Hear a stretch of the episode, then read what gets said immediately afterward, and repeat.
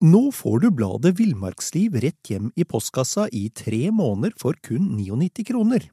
I Villmarksliv kan du lese om norsk natur, ærlige tester av klær og utstyr, og mange gode turtips skrevet av erfarne friluftsfolk, fiskere og jegere. Send SMS VILL36 til 2205 og motta bladet allerede neste uke. Lev livet villere med bladet Villmarksliv.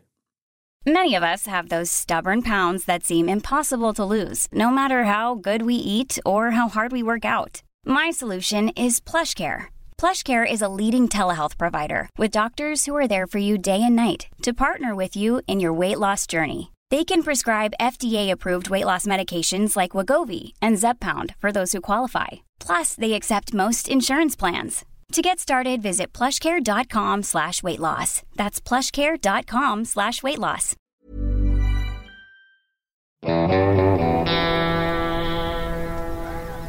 Velkommen til podkasten Villmarksliv. Mitt navn er Halvard Lunde, og jeg er redaksjonssjef i bladet Villmarksliv. I dag skal vi snakke om Østmarka, og vi har kalt episoden Østmarkas hemmeligheter. Og en som kan mye om Østmarka, er Even Saugstad. Han er forfatter av flere lokalhistoriske bøker, bl.a. Østmarka fra A til Å, og 50 historier fra Østmarka. Han har også drevet markastua Sandbakken i over ti år, og driver nå, i tillegg til å være forfatter, med foredrag og guiding knytta til Østmarka. Og han har også bloggen østafor.no, som har eh, veldig store mengder innhold om nettopp Østmarka. Even, var det en grei start? Den var omfattende og eh, dekker det meste, vil jeg tro. Ja. Men for, for oss som ikke er lokalt kjent i, i, Oslo, kan du plassere Østmarka inn på kartet for oss? Ja, Østmarka ligger jo som navnet sier øst for Oslo.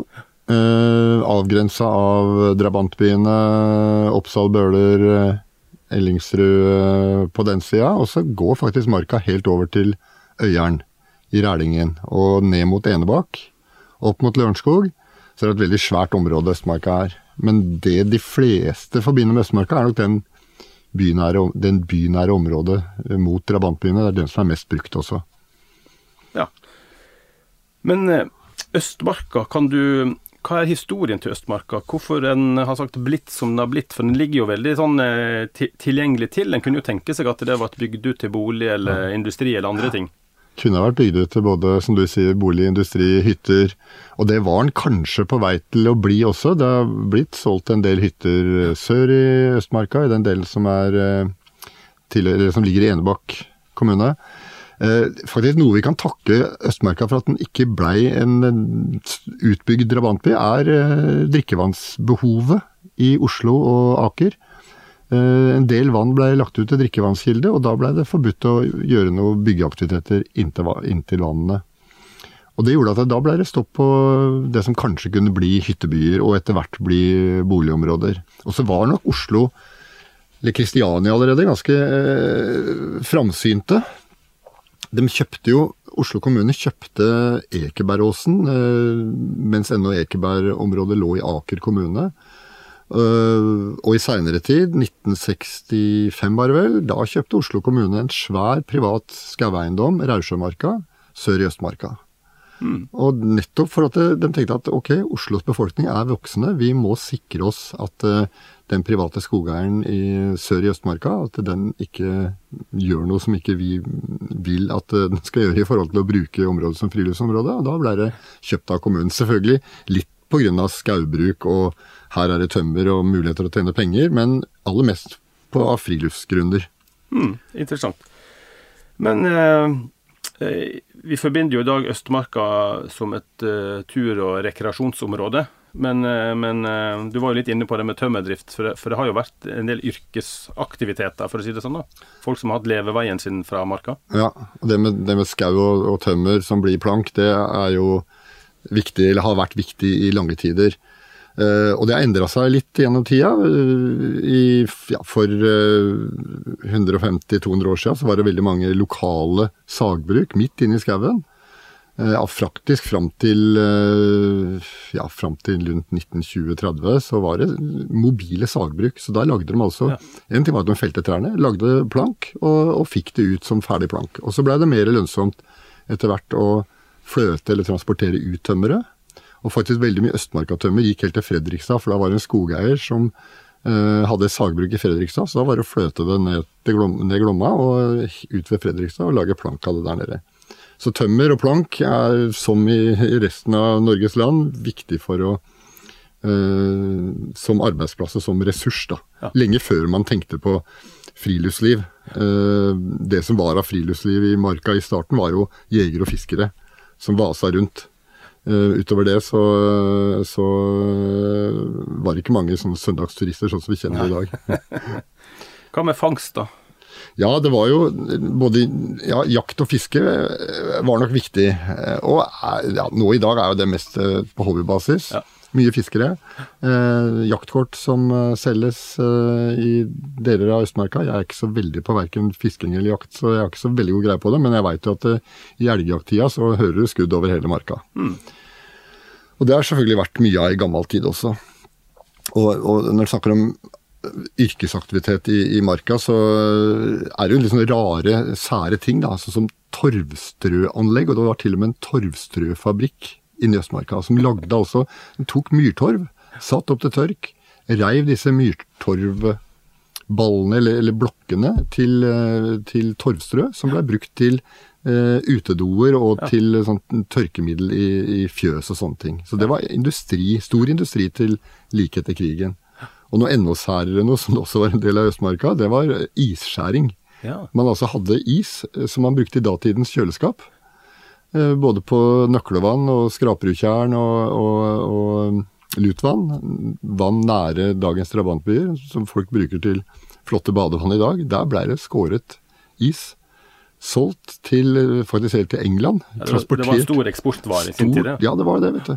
Og vi ser jo liksom nesten over hele østlandsområdet, iallfall ned mot fjorden, så var det mange som lagde isdammer. Som man da, som du sier, eh, stor eksportindustri. Ja, lagde kunstige dammer, rett og slett? Kunstige dammer for å lage rein og fin is. Ja. Og det var i Østmarka, altså. Ja, fantastisk.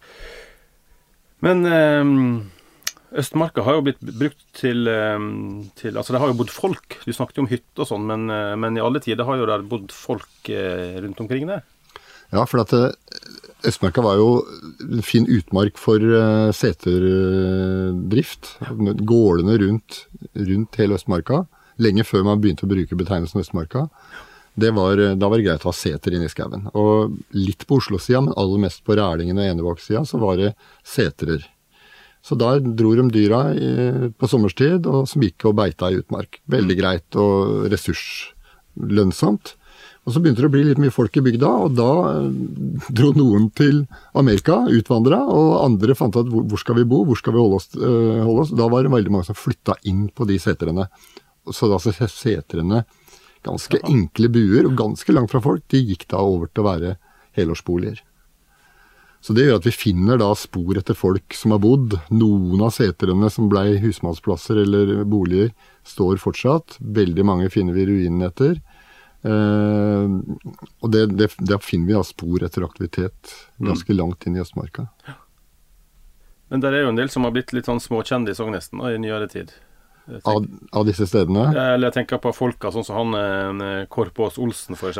Ja, ja. For da er vi over på ikke de som eh, bodde der Nei. i kraft av å være landbrukere eller, eller, husmenn, men de som, som tok, tok, seg litt til rette. Tok seg litt til rette, ja. ja. Korpås-Olsen, morsomt at du nevner, for det var en, en, en, rar skrue. Han døde en stund før jeg ble født, men jeg har snakka med mange som husker han. Uh, han var nok litt hard på flaska, uh, og da var det greit å bo litt utafor uh, allfarvei. Og da slo han seg til. fikk lov av grunneier. slo seg til, bygde seg en liten hytte, ikke så langt fra Skullerudstua for den som er lokalkjente. Opp i skauen der, bortgjemt som bare det, og så bodde han der. Sommer og vinter. Mm. Og drev, var preparant, som det heter. Han drev, ja. drev med, som utstopper.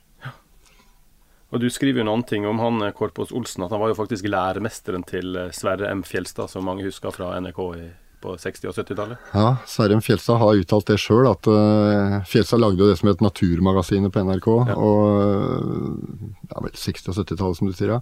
Uh, Fjelstad har sagt det at hvis, uh, hvis, jeg, altså hvis Fjelstad var faren til Naturmagasinet, så var Korpås Olsen bestefaren til Naturmagasinet. så Fjelstad har fortalt meg mye om, om Korpås Olsen, og fortalt hvordan ja, Fjelstad var jo opptatt av å fange inn ting med kameralinsa, mens derimot Korpås-Olsen var interessert i å skyte dyr. Ja, Han stoppa ut? Stopp for å stoppe ut, ja. Og litt for matverk også, kanskje. Uh, og Fjelstad som en ung mann, da, uh, og Korpås-Olsen som en gammel mann, da var Fjelstad var jaktbikkja til, uh, til Korpås-Olsen. så når han skjøt en fugl som landa nedi et myrhøl, så var det Fjelstad som ble sendt ut delvis svømmende ut for å hente denne fuglen som, som Korpås-Olsen skulle, skulle stoppe ut av.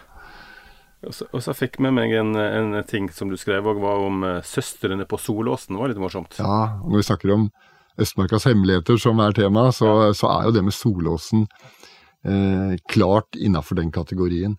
Ikke så langt fra der eh, Korpås-Olsen holdt til, så var det da to damer som bodde sammen i en eh, leilighet i gamlebyen, eh, som eh, etter sigende da eh, nesten ukentlig var oppe på denne vakre plassen sin som de døpte for Solåsen, og overnatta litt der, men var nok mest der som å ha det som et fristed, et sted de kunne eh, nyte naturen. Som en slags hage, nesten? som en hage. Og de planta både nyttevekster og grønnsaker, og også blomster for å lage det fint der. Fins det, det, spor etter den i dag? Eller? Ja, det er det det gjør. Og, og, første gang jeg kom over dette med Solåsen, så det var et spørsmål i Aftenposten på 90-tallet, hvor en hadde sendte inn et spørsmål og sa at jeg, jeg snubla over en rar det han trodde var en gravstøtte, som det så Solåsen 1920. Ja. Eh, og så svarte da en av Aftenpostens eh, informanter, som da avisa hadde spora opp, at uh, dette her var nok ikke noe gravstøtte, dette var en minne om disse to damene. Ja. Og så jeg og mange med meg begynt å grave litt mer i historien, og funnet både navnet deres og uh, når de bodde der, eller når de holdt det der, og, og, og, og mye mer om dem. Det har du selvfølgelig skrevet om på denne bloggen østafor.no? Der er det uh, mye å finne om, om bl.a. Solåsen-damene, ja. Men en del av de som uh, brukte Østmarka, eller for så vidt alle, alle skogsområder rundt Oslo, bodde det jo folk. Det var kanskje det var kanskje du som skrev at det var uteliggere som ville bo inne? Altså de bygde seg uh, rett og slett et skur? Og det var litt sånn i kategorien sånn som Korpås Olsen, at uh, hvis du uh, vil bo enkelt, og så av en eller annen grunn vil holde deg vekk fra folk, så er det jo greit å holde seg i skauen. Du hadde jo ja, I etterkrigstida så var det en del sånne lunger rundt hovedstaden som, uh, som uteliggere holdt til i, og som ja, det, det, var kanskje folk til og med som ikke ønska å være uteliggere, men bolignød og kanskje litt alkoholproblemer, psykiske problemer, eh, som tidligere krigsseilere og aktive folk under krigen som syntes det var vanskelig å bo i en etablert borettslag eller en boligblokk. Da eh, var det å bygge seg et skur ute i skauen som de bosatte seg i. Mm. Så det var en del av dem. Og apropos hemmeligheter, ja, ja, du kan finne kanskje så vidt det er rester etter noen av de tidligste eller seineste brukte mm. hyttene. Sånn som Korpås Olsen. Sporer opp stedet der han var, så ligger faktisk jernsenga hans. Han hadde dratt inn en seng, sånn gammeldags jernseng med noe sprinkler og greier. Den har ikke råtna bort, så den ligger der. Og ommen hans ligger der. Ja. Resten av hytta eh, har råtna bort tidens ja. tann av tæran. Og noen av dem, av disse gamle hyttene er også brent. for at eh, Oslo kommune, som er grunneier på mange av disse områdene, de ønsker ikke at det skal stå hytter trekke til seg folk mer eller mindre ønskede individer. Mm. Men likevel så, så, blir det jo bygd hytter der, da. Han, eh, du har jo skrevet om temaet med disse hemmelige hyttene. og, og Marius Nergård Pettersen, som vi har hatt besøk av her, har jo også snakka om det, liksom det, hemmelige friluftslivet og sånt. Mm. Og det finner vi jo i høyeste grad i, i Østmarka òg. Ja. Eh, det blir kalt HK-hytter. HK-hytter, ja. Hold kjeft-hytter. Ja. Det, noe, det er noe som er et hellig hellig som man skal holde kjeft om. og det er, det er, sånne hytter. Og I tillegg så er det jo selvfølgelig gode orreleikplasser. Ja. Og steder du kan se tiurleik. Mm, mm, hold kjeft, hysj, hysj. og, og, også moltesteder. Du, du, deler ikke moltestedene dine på Facebook-grupper og sånt. Så disse HK-hyttene, hold kjeft-hytter, ja. Du finner dem og, og er fornøyd med det. Ja. Så, og det er hytter som ofte er faktisk sånn ja, Ikke bygd akkurat de siste fem eller ti åra, men uh, mange var bygd på 80-tallet. Uh, eh, jeg, jeg, har jo, som du nevnte innledningsvis, lagd noen bøker om Østmarka. og Første Østmarka fra A til Å-boka kom ut i 2000, og, ja, 2000 blank. Uh, og da vurderte jeg å lage en temaartikkel om disse hyttene, og jeg tenkte at nei, det, det tør jeg ikke gjøre. Jeg var redd for både å oute hyttebyggerne, som sikkert mm. ikke var noe glad for å få hyttene sine smurt opp med bilde og, og, navn. Uten at jeg tenkte å si hvor de var, så ville jeg iallfall ikke gjøre det. Og jeg var også redd for å få skogeierne på nakken for liksom å, å, å oppfordre til ja. ulovlig bygging. Det var i 2000-boka, men når den kom i ny utgave i 2012, så tenkte jeg at ok, dette er en kultur som er på vei til å dø bort. Det er ikke mange 14-15-åringer i dag som tar saga og øksa på ryggen, og så tenker jeg nå skal jeg dra inn i skauen og bygge meg en egen bolig. Eh, så, så, jeg tenkte at dette, dette er verdt å, å omtale. Men det stort sett, Var det stort sett ungdom, eller folk som bare som ville ha seg et fristed i skauen? Ja, det, det, var nok veldig mye ungdom. Veldig mange som drev med fiske. Ja. Som tenkte at det å, Og dette var jo ja, kanskje vi, vi, gikk jo på skolen på lørdager fram til slutten av 70-tallet. Og når du da kunne rett etter skoletid dra inn i skauen og overnatte i en kanskje sjølbygd hytte, mm. så gjorde jo det at du kunne søndag morgen våkne midt i eldorado, enten du ville fiske eller se på orreleik eller, eller, bare være på tur. Mm. Så det var, det var, nok mest ungdommer. Er det vanskelig å finne sånne hytter hvis en, hvis en går inn for det? Ja, mange av dem er veldig godt bortgjemt. Og det, det, det er jo noen Facebook-sider som uh, har tema Østmarka, og uh, en kar som heter Lars Lindland, som uh, også i, i Nergård Pettersens bok er brukt mye som informant. Jeg ja. tror det er eget kapittel om Lars også. Og Lars Lindland, han, han, han svarte det en gang han fikk et spørsmål på Facebook og ja, ja, hvor ligger den hytta hen? Og han sa det at gleden ved å finne en hemmelig hytte er så stor at den skal jeg ikke dele, den, det skal jeg ikke si til noen hvor ligger. Så gled deg med å finne den, og så får det være med det. Så ja, du skal være en dyktig leter. Men det er mange som syns sånne ting er spennende. Nettopp det med det hemmelige Østmarka. Eller det er kanskje ikke så veldig bare hemmelig, men det, det er litt annerledes Østmarka. Mm. Enten det er rester etter gamle husmannsplasser eller tufter etter setrer, eller gamle ferdselsårer. Ja.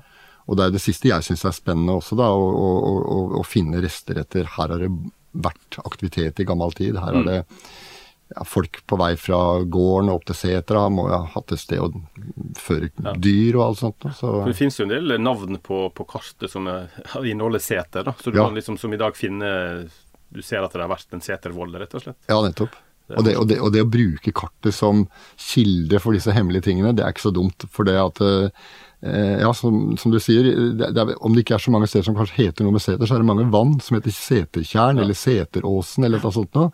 Og det indikerer jo at eh, ja, her har det vært faktisk ja. en sånn aktivitet. Men uh, hemmeligheter det var jo også viktig under krigen. da. Østmarka spilte jo en viktig rolle på mange områder under krigen. Ja. Og der er jo en del hemmeligheter. På, flere, på flere områder gjorde dere det. Uh, og særlig under krigen var det jo viktig at dette skulle holdes hemmelig. Uh, en viktig del som det er tydelig spor etter i dag, er jo det som, uh, det som vi kaller for flyktningruta. Mm. Den er skilta gjennom Østmarka. og det Jeg tror nok disse, disse folka som drev som flyktningloser, de, de var ikke så veldig opptatt av å følge samme trasé. Så hvis du går flyktningruta i dag, som er en blåmerka sti gjennom hele Østmarka, og tenker at yes, her gikk det folk i 40-45, ja kanskje, men de, de, tok nok alltid nye ruter. Og så har man på en måte rekonstruert i, i seinere tid, heldigvis, også for å, for å bevare minnet om denne historiske ruta, og skilte han opp. Mm. Og det var jo en tur som var på 120 km til eh, grensa, ja. Til helt til Sverige, og ca. Eh, 30 km gikk da gjennom Østmarka. Ja. Og det er veldig mange i dag som har det som en to-tre dagers tur. som da tenker at da, da, går vi gjennom Østmarka, og noen forlenger den gjennom videre over, mm. helt over til Sverige også. Så det var en viktig del av den, den krigshistorien. Da. I tillegg til at det, at det var flyslipp under krigen. Max Manus i en av bøkene som han skrev like etter krigen, så forteller han om hvordan de lå og venta på et flyskip som var varsla. og så kommer flyet, og så var det Max Manus og jeg husker ikke om det var Greger Skram eller hvem han hadde med seg som kompanjong da, som fant av disse konteinerne, svære jernkasser med våpen og utstyr, eh, ammunisjon, sprengstoff kanskje, som kom da ned i fall, fallskjermer. Og da gjaldt det jo for eh, disse Milorg-folka å samle det før tyskerne kom over det, og bringe det til trygge skjulesteder. Mm. Som igjen var hemmelige steder. Der, for der har vi flere huler og, og sånt noe som Noen av dem er merka både på kartet og i terrenget, og noen av dem er uh, fortsatt uh, ukjente. Ja. Så du kan finne, finne noen av de Milorg-hyttene, altså? Ja, ikke hyttene så mye, for Nei. de har nok råtna ned. Det er såpass lenge siden. Uh, for det var jo hytter de da hadde som de skulle gjemme seg i. Men derimot hulene, sånn som det som blir kalt for smalvannshula, mm. like øst for et lite vann som heter Smalvann, i nærheten av Østmarkkapellet. Eh, der er det, Den er skilta og merka på kartet og er en liten severdighet. Mm. Og Hvis en skal på hemmelig, hemmelig spennende Østmarkatur, så det å ta for seg kartet og se etter eh, kartsymbolet, som er den eh, kringla som du ser på ja, gateskilt, severdighetsskilt, ja, eh, det, det, er brukt en del Østmark, på Østmarka-kartet. Så det er, det er, en god veiviser til hemmelige og spennende mål i Østmarka. Mm. Som f.eks. Milorg-hula. Ja. Som eh, til matauk da, gjennom, eh, gjennom krigen? Bærplukking og Ja. Jeg er nok ganske sikker på at folk på den tida En ting var at mat var rasjonert, og, og bær var en luksusartikkel. Og det å da kunne dra inn i skauen og glemme den grå krigshverdagen for en stund, og så plukke bær, eh, fiske Jakt var ikke så greit i forhold til våpen og sånt noe, men iallfall nei, fiske og bærplukking og soppsanking var nok viktig. Mm. Jeg har jo lest om eh, det med bærplukking, at det var så ettertrakta, det med bær, at det, Eh, I deler av Østmarka, bl.a. som hørte Ski kommune, var det satt inn egne regler om at det var kun lov for Ski kommunes egne innbyggere å plukke bær de første eh, to ukene av august, eller hva det var, når tyttebærsesongen satte inn. Og etter det så kunne alle plukke. Og det ble satt opp egne bærbusser. Ja. Eh, og så har jeg sett eh, bærtog oppover til Lygna og nordover for Oslo. da. Ja. Så det, var, det er klart, bær var en viktig ressurs, altså absolutt.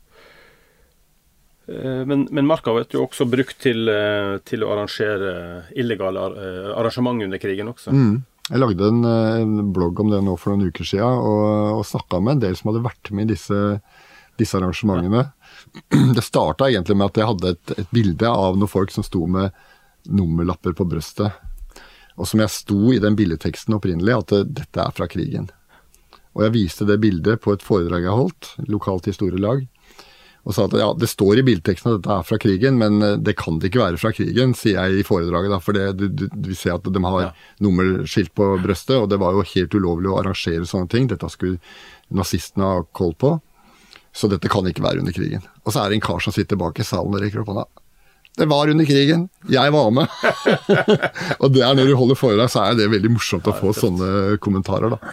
Så jo da, det bildet var under krigen. Og når jeg da skulle lage en bloggtema på det, så spora både han og et par andre som hadde vært med på illegale renn. Ja. Og ja, tyskere ville gjerne styre det. All idrett, all organisasjonsarbeid. De var jo redde for at dette skulle utarte seg til en liten hemmelig armé, noe det også gjorde. Det var en måte eh, hjemmefronten hadde for å rekruttere folk ja. som var eh, både fysisk eh, sterke, mm. drev med idrett, og også de som tillot seg å starte i et illegalt renn. Det kunne du ta for gitt at det var folk som ikke sladra til nazistene om det de drev med. Så mm. det var mange av de som da gikk over i Milorg også. Men det med idrettsaktivitet, det, det, var viktig for å holde moralen oppe og for å aktivisere unger og ungdom i en tid som var ganske traurig. Og så ble jo marka brukt til å, å ha sagt, vise protester, flaggheising og andre symbol, har jeg fått med meg. Ja, jeg spora opp eh, noen eksempler på det også. Hvis en går inn, stadig for lokalkjente, hvis en går inn fra stor utfartsparkeringsplass eh, ved Ellingsrud, Ellingsrudjordet nord for Oslo, nei, nord for Østmarka, på grensa til Lørenskog bare noen meter inn i skauen der, innafor bommen, så hvis du løfter blikket litt til uh, høyre, opp på fjellveggen, så står, er det malt på fjellveggen 'Vi vil vinne'. Ja. Uh, og Groruddalen Historie har hjulpet til litt der med å male opp dette innimellom, for ellers hadde nok vær og vind tatt det med seg. Men det er jo litt morsomt å tenke at der, der var det noen som da dro av gårde med malepøsen i, under krigsdagene og, og, malte dette som en sånn propagandasak. Ja. Så det er spor etter det fortsatt i marka, hvis en, hvis en følger litt ekstra med.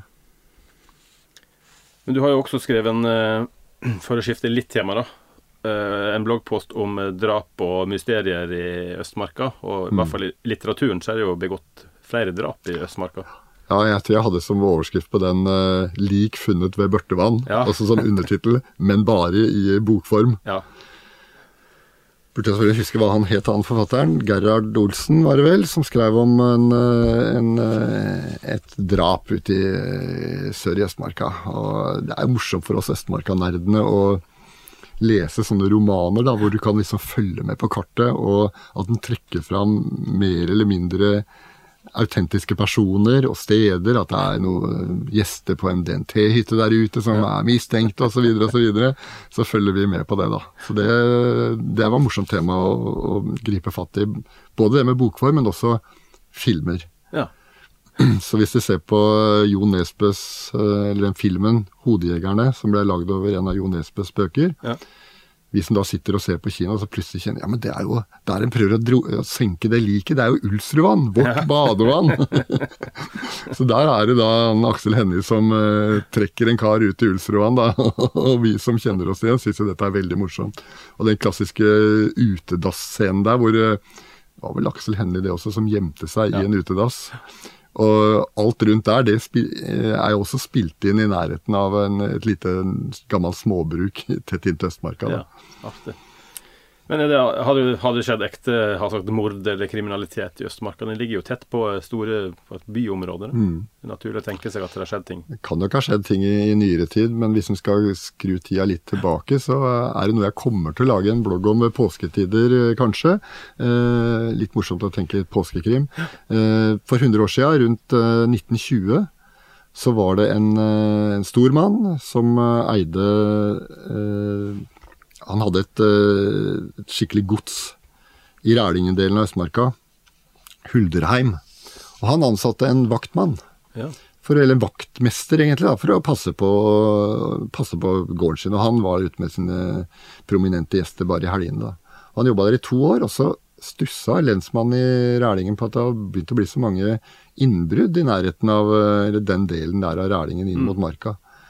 Og så begynner de å skjønne at han derre eh, vaktmesteren, som hadde tatt jobben med fordekt navn, og han hadde farva håret, og, og, han hadde til og med greid å få til at han hadde sendt noe brev fra Amerika. Oi. Som om han skulle vært der. For han hadde rømt fra en rettssak, rømt fra tinghuset. Og det skikkelig haraball og en eh, eh, historie rundt det, hvordan han hadde rømt slått seg ned der sammen med eh, to damer som han utga for å være blant annet en, en av dem var søstera hans, som langt fra var søstera hans. Og hvordan da den lokale lensmannen greide å avsløre han. Og dette kan spore opp i gamle aviser da, og virkelig yes. gå i sporene til denne kriminelle karen. da. Ja, en god påskekriminell. Altså. Ja. Uh, har det vært folk som har gått seg bort i, i Østmarka? Tenker på leteaksjoner eller andre ting? som... Østmarka er, det er forholdsvis lett å gå seg ja. vill der. Ja. Det er eh, det er et villnis av uh, daler og tjukk skau. Uh, men så er vi så heldige at det er ikke så veldig langt du skal Nei. gå i en eller annen retning før du kommer til en blåmerka sti eller en rødmerka skiløype. Uh, dette er jo turfolkets gode venner, så om du vaser rundt uten kart og kompass, ja. så kommer du til en sti, og hvis du følger den i en eller annen retning, så kommer du gjerne til et skilt. Kommer til folk til slutt. Kommer til folk til slutt, ja. Så eh, takk til Skiforeningen for rødmerka løyper og Turistforeningen for blåmerka stier. Ja. Men det er en historie som uh, var vel på 80-tallet, noen speidere som bare skulle ut på en liten kveldstur. Og det er nok det folk erfarer, at når, du, når du egentlig ikke skal på den store, lange turen, du, du skal egentlig bare ut og lufte deg litt. Og disse speiderne lå da på en speiderhytte like ved Børtevann. Uh, og skulle ut på en kveldstur på fredagskvelden. Og de kom ikke igjen før mandag morgen. Nei. Og da var det svær leteaksjon. Lenge før mobiltelefonen og sånt. Så de foreldra som skulle komme og hente disse speiderne på søndagskvelden, så ikke noen speidere, gikk inn til hytta, og der var sekkene ikke pakka opp engang. Og de Nå får du bladet Villmarksliv rett hjem i postkassa i tre måneder for kun 99 kroner. I Villmarksliv kan du lese om norsk natur, ærlige tester av klær og utstyr, og mange gode turtips skrevet av erfarne friluftsfolk, fiskere og jegere. Send SMS VILL36 til 2205 og motta bladet allerede neste uke. Lev livet villere med bladet Villmarksliv. Hi, I'm Daniel, founder of Pretty Litter. Did you know cats tend to hide symptoms of sickness and pain? I learned this the hard way after losing my cat, Gingy. So I created Pretty Litter, a health monitoring litter that helps detect early signs of illness by changing colors, saving you money and potentially your cat's life. Pretty Litter is veterinarian developed, and it's the easiest way to keep tabs on your fur baby's health right at home. Go to prettylitter.com and use code ACAST for 20% off your first order and a free cat toy. Terms and conditions apply. See site for details. Og det vasa seg da ut, og gikk diverse runder i et grått vær, tåkete og et helt håpløst terreng. Så når folk etterpå sa til meg at ja, men jeg skjønner ikke at det går an å gå seg vill der, og så sa jeg at ja, beviset er at de gjorde det. De gikk seg vill. Kom seg over til Rælingen-sida etter hvert, og, og, og, kom seg da til folk, altså. Og den som har prøvd å ligge ute to netter som ikke er planlagte, og i tillegg at det er en jeg tror det var 12-13 stykker ja. med unger ned til en 13-14-årsalderen, da det er litt utfordrende. Absolutt. Og det kan være kaldt. Veldig kaldt. Men vi skal skifte litt Vi må snakke litt om dyrelivet. Og, og ulv er jo et tema som engasjerer på alle sider. Mm. Spesielt når en kanskje har funnet, slått rot rett utenfor Karl Johan. Og det blir jo stadig satt ut rykte eller, eller, eller avisskriverier om ulvepar eller ulver som har tatt revir da, i Østmarka. Mm. Men, men, dette er jo ikke noe nytt, og det finnes jo masse spor etter har sagt, rovdyr i Østmarka. Fra gammelt av har det jo vært rovdyr i Østmarka, sånn som alle andre marker rundt uh, i hele landet. Uh, og når du sier spor, så er det jo spennende å se på kartet. da. Ja. Der, du finner Bjønnåsen, og du finner uh, Bjønnebettet, og du finner uh, Vargsteinen, og, og, veldig mange ord som begynner på, eller stedsnavn som begynner på noe med varg, som Mm. også var det betegnelsen på ulv. Uh, og gaupe også. Mm. Så de tre store rovdyrene har det vært mye av. Men det var jo skuddpremie på dette her. Det var noe man ville ha vekk. Skummelt for folk, og særlig for de som skulle ha dyr på beite på setrene.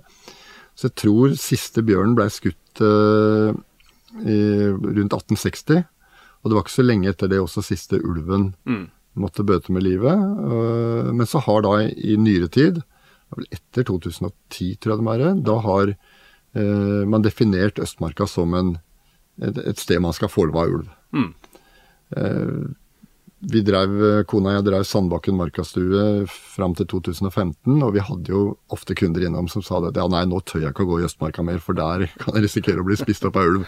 Og jeg måtte berolige dem med at dette er ikke farlig. Uh, ulven er mer redd for deg enn du trenger å være for ulven. Men det er klart at det, det, det kan virkelig skremmende. Og jeg pleier å si det at når, hvis du har bikkje, og bikkja di går løs, så vil nok jeg tror ikke ulven har verken hund eller menneske på spisekartet sitt, men det, denne bikkja som da virrer rundt i reviret til ulven, det er nok litt hår i suppa. Så da ryker en del bikkjer, åtte-ti stykker i Østmarka, eh, som ulvemat, eller iallfall blitt fjær, tatt, av, tatt av ulv, da. Og så er det folk som kommer og har sett ulv, og noen gleder seg stort over det, og andre er livredde og sier at dette var veldig skummelt. Jeg har ikke sett ulv i marka, og, men jeg har sett gaupe. Ja. Så når vi bodde på Sandbakken, så skulle jeg ut med bikkja vår en morgentur. Og så tusla jeg nedover veien, faktisk mot parkeringsplassen, mot sivilisasjonen. Sandbakken ligger en snau kilometer fra parkeringsplass og fra bebygde områder. Og kom jeg ned, og så ser jeg da det jeg først trodde var en, en løsbikkje. Og så var det ikke noe halsbånd, og så var det utrolige store poter. Og så var det disse duskene på øra. Og, og jeg skjønte jo at dette var en gaupe, og jeg hadde heldigvis bikkja mi i bånd, for den var veldig interessert i lukta av det gaupe. Og jeg bare nøt det, og gaupa kom egentlig imot meg, men så så den meg, og så snudde den pent og luska videre. Det var jo en artikkel i Romerikes Blad for noen år siden som eh, nettopp tok for seg sporing av gaupe. da. Det viste seg jo at de har jo, de, for det første de vandra jo veldig langt og over store områder, og gaupa hadde jo vært ned i bebyggelsen både, altså egentlig på alle sider av Østmarka. da. Ja. Altså helt ned i byggefeltet. altså Den er stor, eh, stor eh, område den fær over. altså. Ja, både ulv og gaupe har ekstremt stort område. Og det er veldig begrensa, jeg har skjønt det.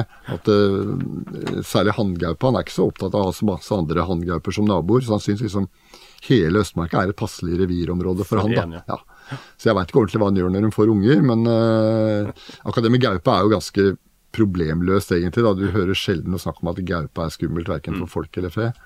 Men, men ulven er jo det, da. Og jeg må jo innrømme at når jeg holder foredrag for folk fra Oslo Om det er DNT eller historielag eller Skiforeningen, så snakker jeg mye om ulv, og, eller iallfall en del av ulv. Og, og, alle sitter med store øyne og ja. sitter det er spennende. Men hvis jeg snakker for folk i Enebakk eller Rælingen, så du kanskje kan tenke at halvparten av de som hører på, er jegere. Halvparten er eh, bønder med sauer på beite. Ja, Det er ikke så veldig populært, det. Og det er jo forståelig da, når en jeger ikke tør å ha bikkja si løs mer uh, pga. ulven som kan dukke opp, og, og bonden har fått sauer spist av av ulven, så uh, er det plutselig et tema som er ja, altså. Så det tør jeg ikke å ta så mye stilling til. Men uh, vi har jo vært innom kart et par ganger, og der er det jo En kan jo stusse av og til over navnene som en, en finner på kartet. Mm. Ja, det er, en del plasser og gater og litt forskjellig. Ja, ja. Nei, det er, det er Jeg syns jo kart alltid er spennende. Så av de bøkene jeg har lagd, så alltid er det kart foran og bak. For det, det hjelper så godt. Til og med når jeg har lagd bok om byoriginaler, så må jeg ha et kart foran og bak hvor de holdt til den. Og den boka jeg lagde om mystikk og overtro i Oslomarka, så er det jo veldig viktig med kart. For at folk skal vite hvor de skal gå eller ikke gå, for å holde seg unna der de kan treffe huldra eller troll eller tusser eller sånt noe. Og, og er, jeg kan sitte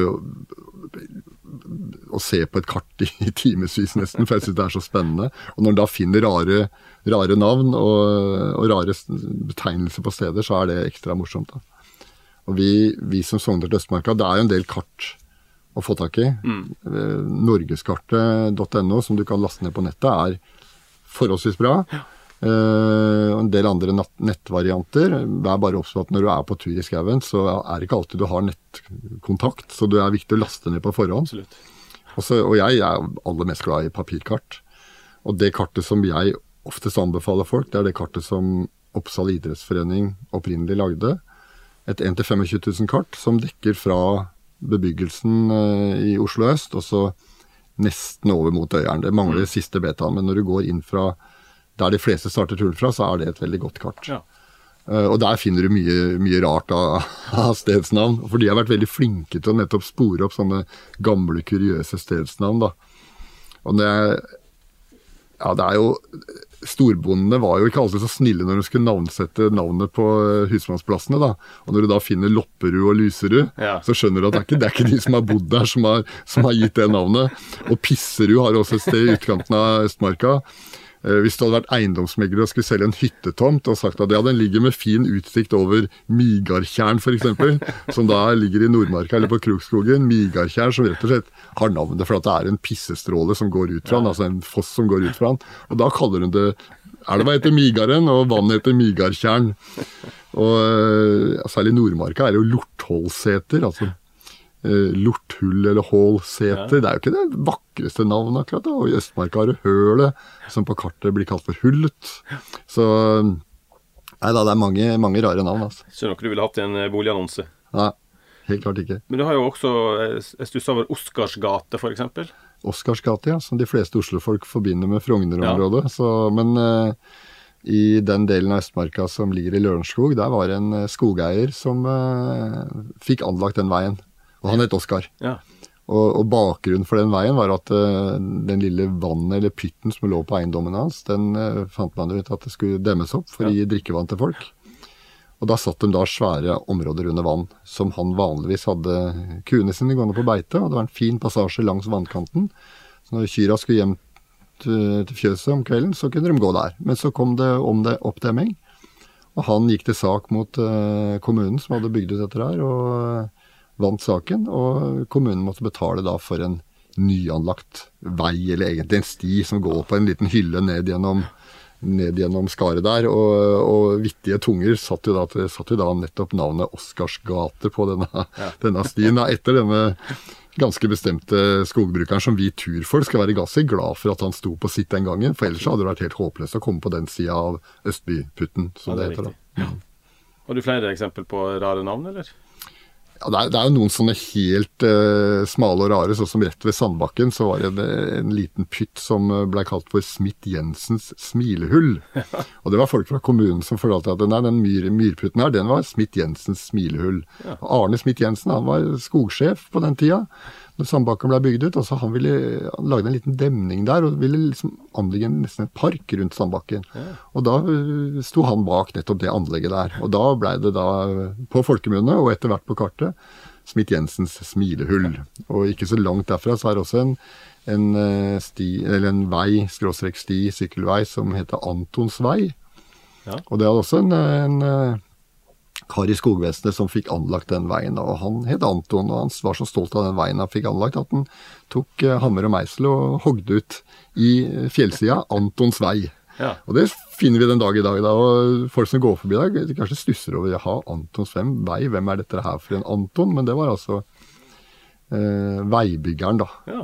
Han var ikke så veldig god i rettskrivning, enda han har fått med lapp fra kona si med navnet sitt på, så greide han å skrive den enden med speilvendt stresskråstrek. Men ellers gikk det veldig greit, da. Ja, morsomt. Vi skal hoppe litt til, um, til altså Østmarka har jo ikke de høyeste toppene, men, men det fins likevel en del tårn. Type gamle branntårn, eller det som har vært iallfall tidligere gamle ja. branntårn. Hva er liksom historien bak disse tårnene? Ja, Det tårnet du sikkert sikter til, er tårnet på Kjerringhøgda. Ja, for eksempel. Ja. ja. Eh, brann var jo marerittet for en skogeier eh, i alle tider. Og når det begynte å bli litt mer systematisert, eh, så tidlig på 1900-tallet ble det bygd branntårn egentlig rundt hele landet. Mm. Og så I Østmarka ble det bygd tre branntårn. Og ved hjelp av kun de tre branntårnene så hadde man faktisk oversikt over hele skauen. Mm. Og de var da døgnbemanna i tørre perioder litt av en jobb, har jeg tenkt meg. Ja. At uh, Sitte der oppe i tårnet mutters aleine med kikkert og være livredd for at det begynner å ryke fra et eller annet hjørne. Ja. Uh, og så kom vi ut på tidlig 70-tall, og da fant man ut at det å, det å ha folk i disse brannvakttårna, det var uh, tidkrevende og dyrt og i det hele tatt. Småfly på vingene, sveiper over hele østlandsområdet og har da full oversikt over eventuelle branntilløp. Mm. Så da var nok noen av branntårnene som er revet, eh, rotta ned. Eh, på Kjerringhøgda var det på vei til å gjøre det også. Men det var en jernkonstruksjon som i, lå i bånn der, så den eh, jernkonstruksjonen blei pussa opp og lagt trykkimpregnerte bord på. Og rundt 2000 så blei det da åpna som et utsiktstårn for mm. turfolket. Så som turmål så er det veldig flott. Og det er kort vei hvis en tar bilen til eh, Bysetermåsan, stor utfartsparkeringsplass, og da har du en drøy halvtimes tur, så er du oppe på Kjerringøgda, og så klyver du opp i toppen av tårnet, så har du utsikt over store deler av marka. Og det er mange som benytter seg av den mm. turen opp der. Det er en fin tur. Var det store branner i Østmarka noen gang? Ja, rundt 1898, nei unnskyld, 1889, så var det en ordentlig stor brann. Og når jeg har lest om den, eh, det har vært mye omtalt i avisene selvfølgelig, og mange har spora opp historien rundt det, og den eh, det var en, en, en, en brann som tok veldig mye skau. Og den var litt uforsiktig der, så når den var slukt, eller den var definert for slukt, så, så både brannfolk og frivillige de la seg godt tilbake og tenkte det var den jobben, og så blussa det opp igjen. Og det var veldig stor del av det som er, ligger i Ski kommune i dag, og sør i Østmarka, som, som røyk da. Og det, apropos det med kart som vi snakka om i stad. Askvann, Askåsen. Sotåsen, sånne navn, det er også dukka opp da av, uh, ofte iallfall, fra den brannen der. Mm. Drøyt 100 år siden. Men i litt eh, moderne tid, altså vi som ikke vokste opp i, verken i Oslo eller Østlandet, så, så forbinder vi Grønmo med søppelfylling. Ja. Men, men, slik har det jo ikke alltid vært, og slik er det jo heller ikke i dag. Nei, heldigvis ikke. Eh, Grønmo var en, en søppelfyllplass eh, eh, fra 1969, og den ble nedlagt som søppelfyllplass i 2006. Jeg vokste opp i Oslo på Oppsal og Bøler, og husker jo også som deg da eh, Grønmo for stedet vi dro og kasta søppel hjemmefra. Og det var ikke snakk om noe kildesortering. Og Det Var, der var det bilvrak og oljetønner. God gammeldags fylling. Og den drakk seg jo da lenger og lenger inn i Østmarka. Aldri blitt aktuelt i dag. Da hadde både Østmarkas Venner og Naturvernforbundet og Turistforeningen satt ned foten mye tidligere.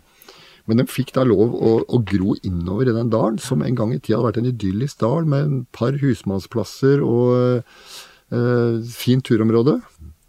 Flere og flere av husene måtte bare rives pga. at fyllinga tok plass. Ja. Og det lukta der, og det var et uh, lite hytteområde en god del lenger, godt stykke lenger sør som uh, folk slutta å bruke, for det var så mye måkeskrik fra fyllinga og lukt derfra at det var helt uaktuelt å bruke. Så det var skikkelig et ikke-område i mange år. Og så var det da fram til 2006, eller 2006 ble det slutt på fyllinga.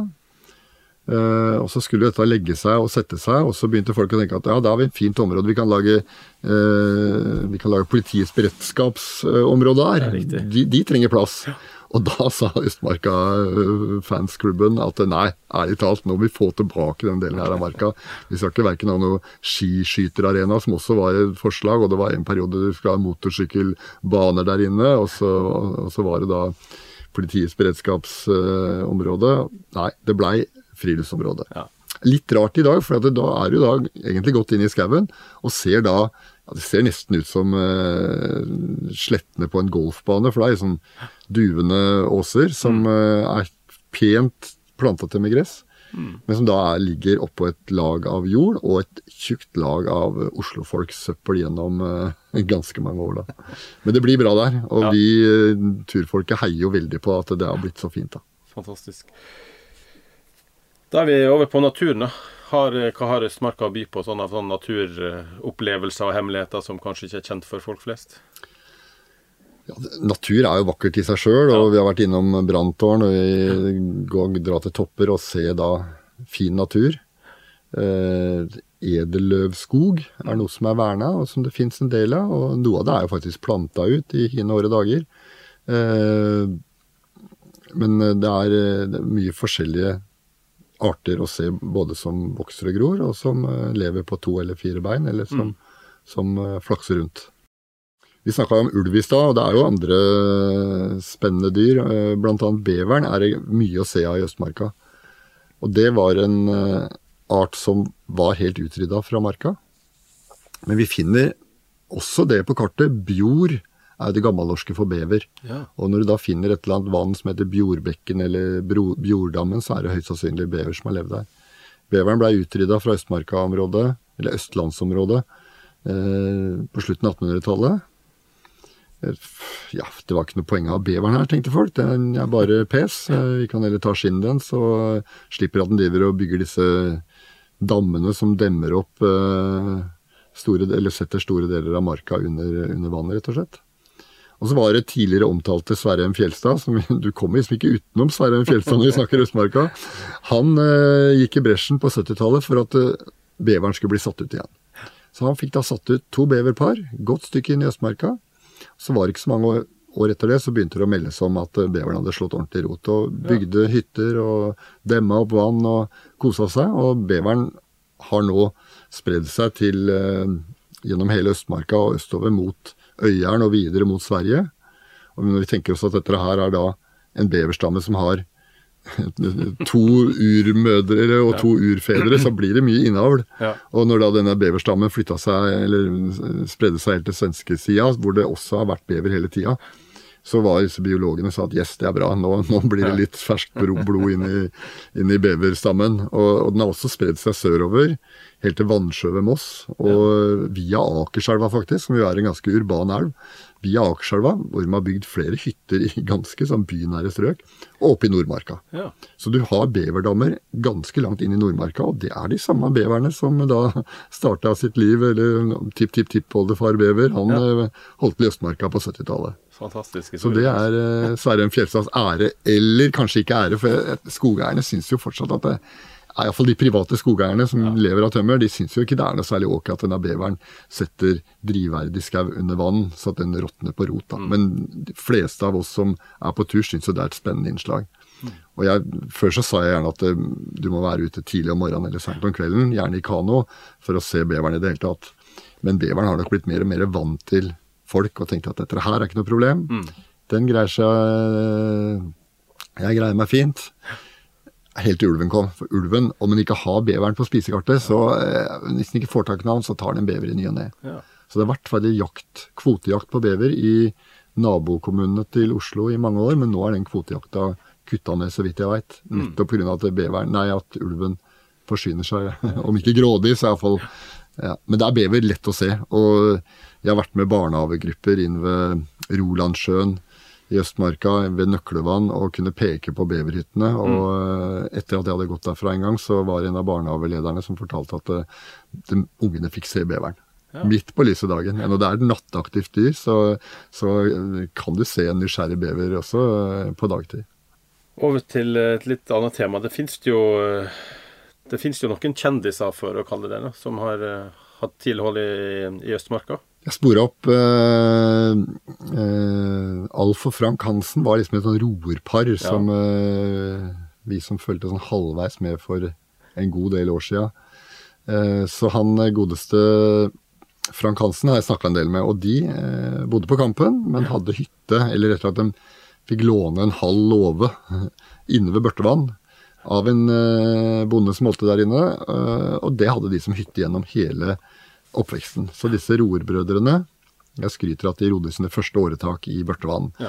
Men han godeste Frank måtte jo innrømme at de dro ikke med en sånn skjør dobbeltsculler ut til Børtevann, for der er det så mye undervannsskjær, og den båten er så tynn i, i byggematerialene at det, det turte de vanligvis ikke, da.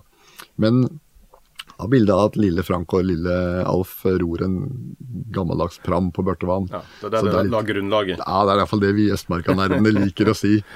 Så, så, han har link til Østmarka, og så er det jo ja, Sverre Fjeldstad vi har vært innom. Han har i høyeste grad link til Østmarka. Ja. Når jeg i guttedagene så starten på det naturmagasinet, så var jeg sikker på at dette her er en eller annen villmark et eller annet sted.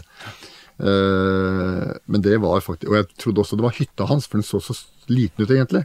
Ja. Han gikk på truger i djup snø rundt en liten hytte. Men det var boligen hans, som altså lå ikke så langt fra der, eh, der Grønmo ligger i dag. Ja.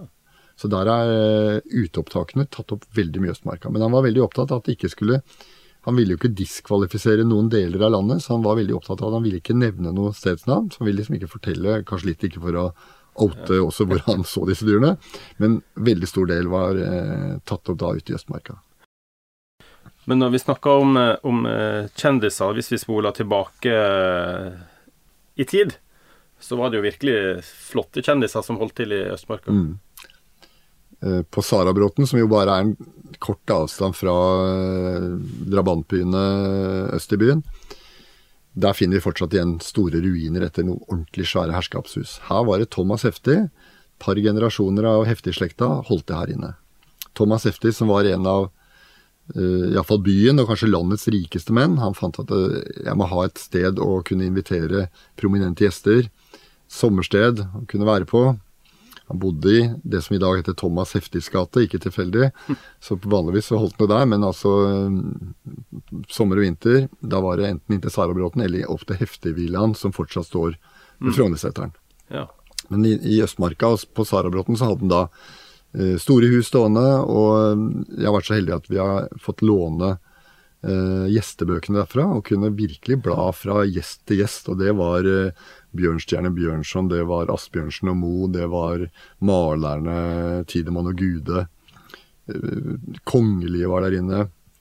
Politikere. All, alle topper som da gjaldt i samfunnslivet på den tida, de eh, inviterte Thomas Hefte inn der. Mm.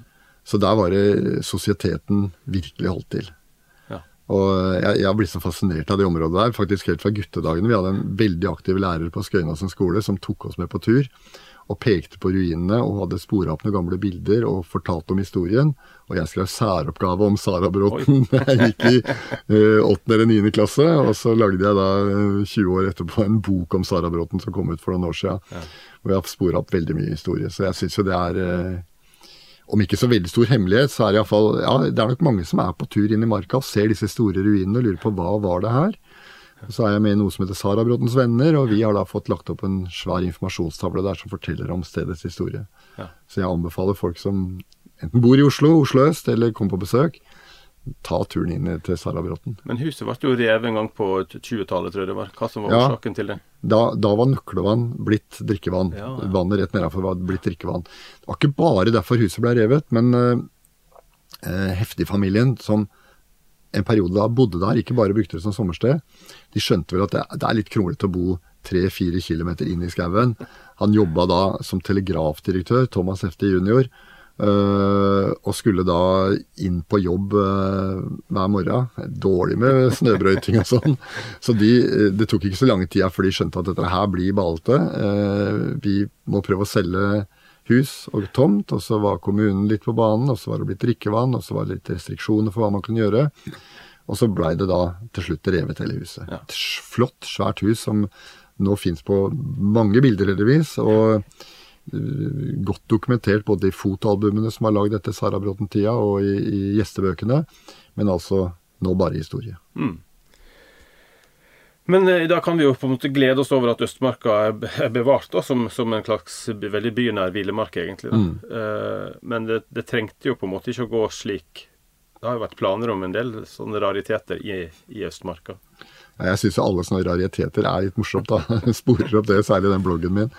Og eh, når du da finner ut at noen lure ingeniørsjeler fant at eh, vi må lage en kanal tvers gjennom Østmarka, fra øst til vest, og når en veit at Østmarka er dype daler og høye topper, og dalsøkkene går da i retning nord-sør, så er det litt av en jobb å lage et kanalanlegg. Og det skulle lages som en tunnel, og primært for å fløte tømmer. Ja.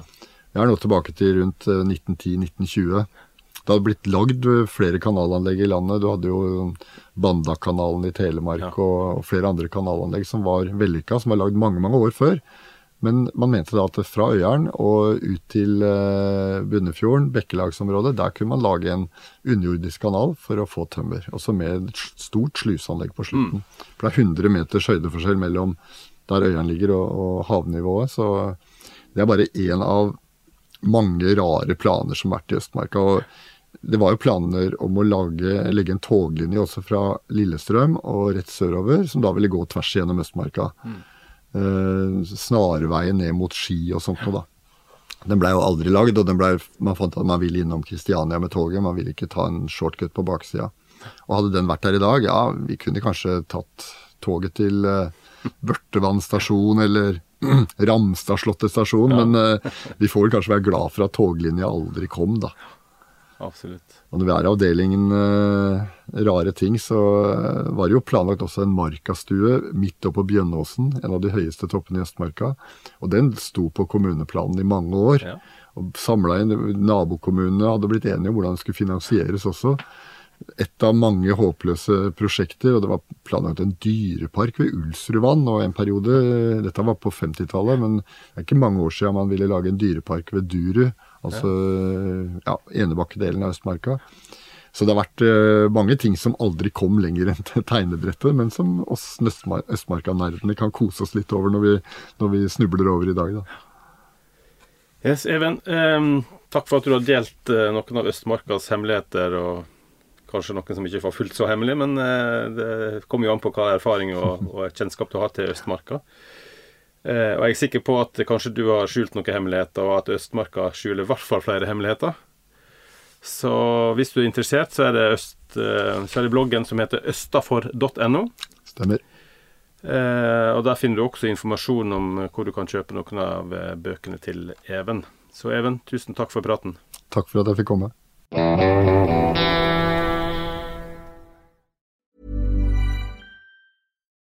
Nå får du bladet Villmarksliv rett hjem i postkassa i tre måneder for kun 99 kroner.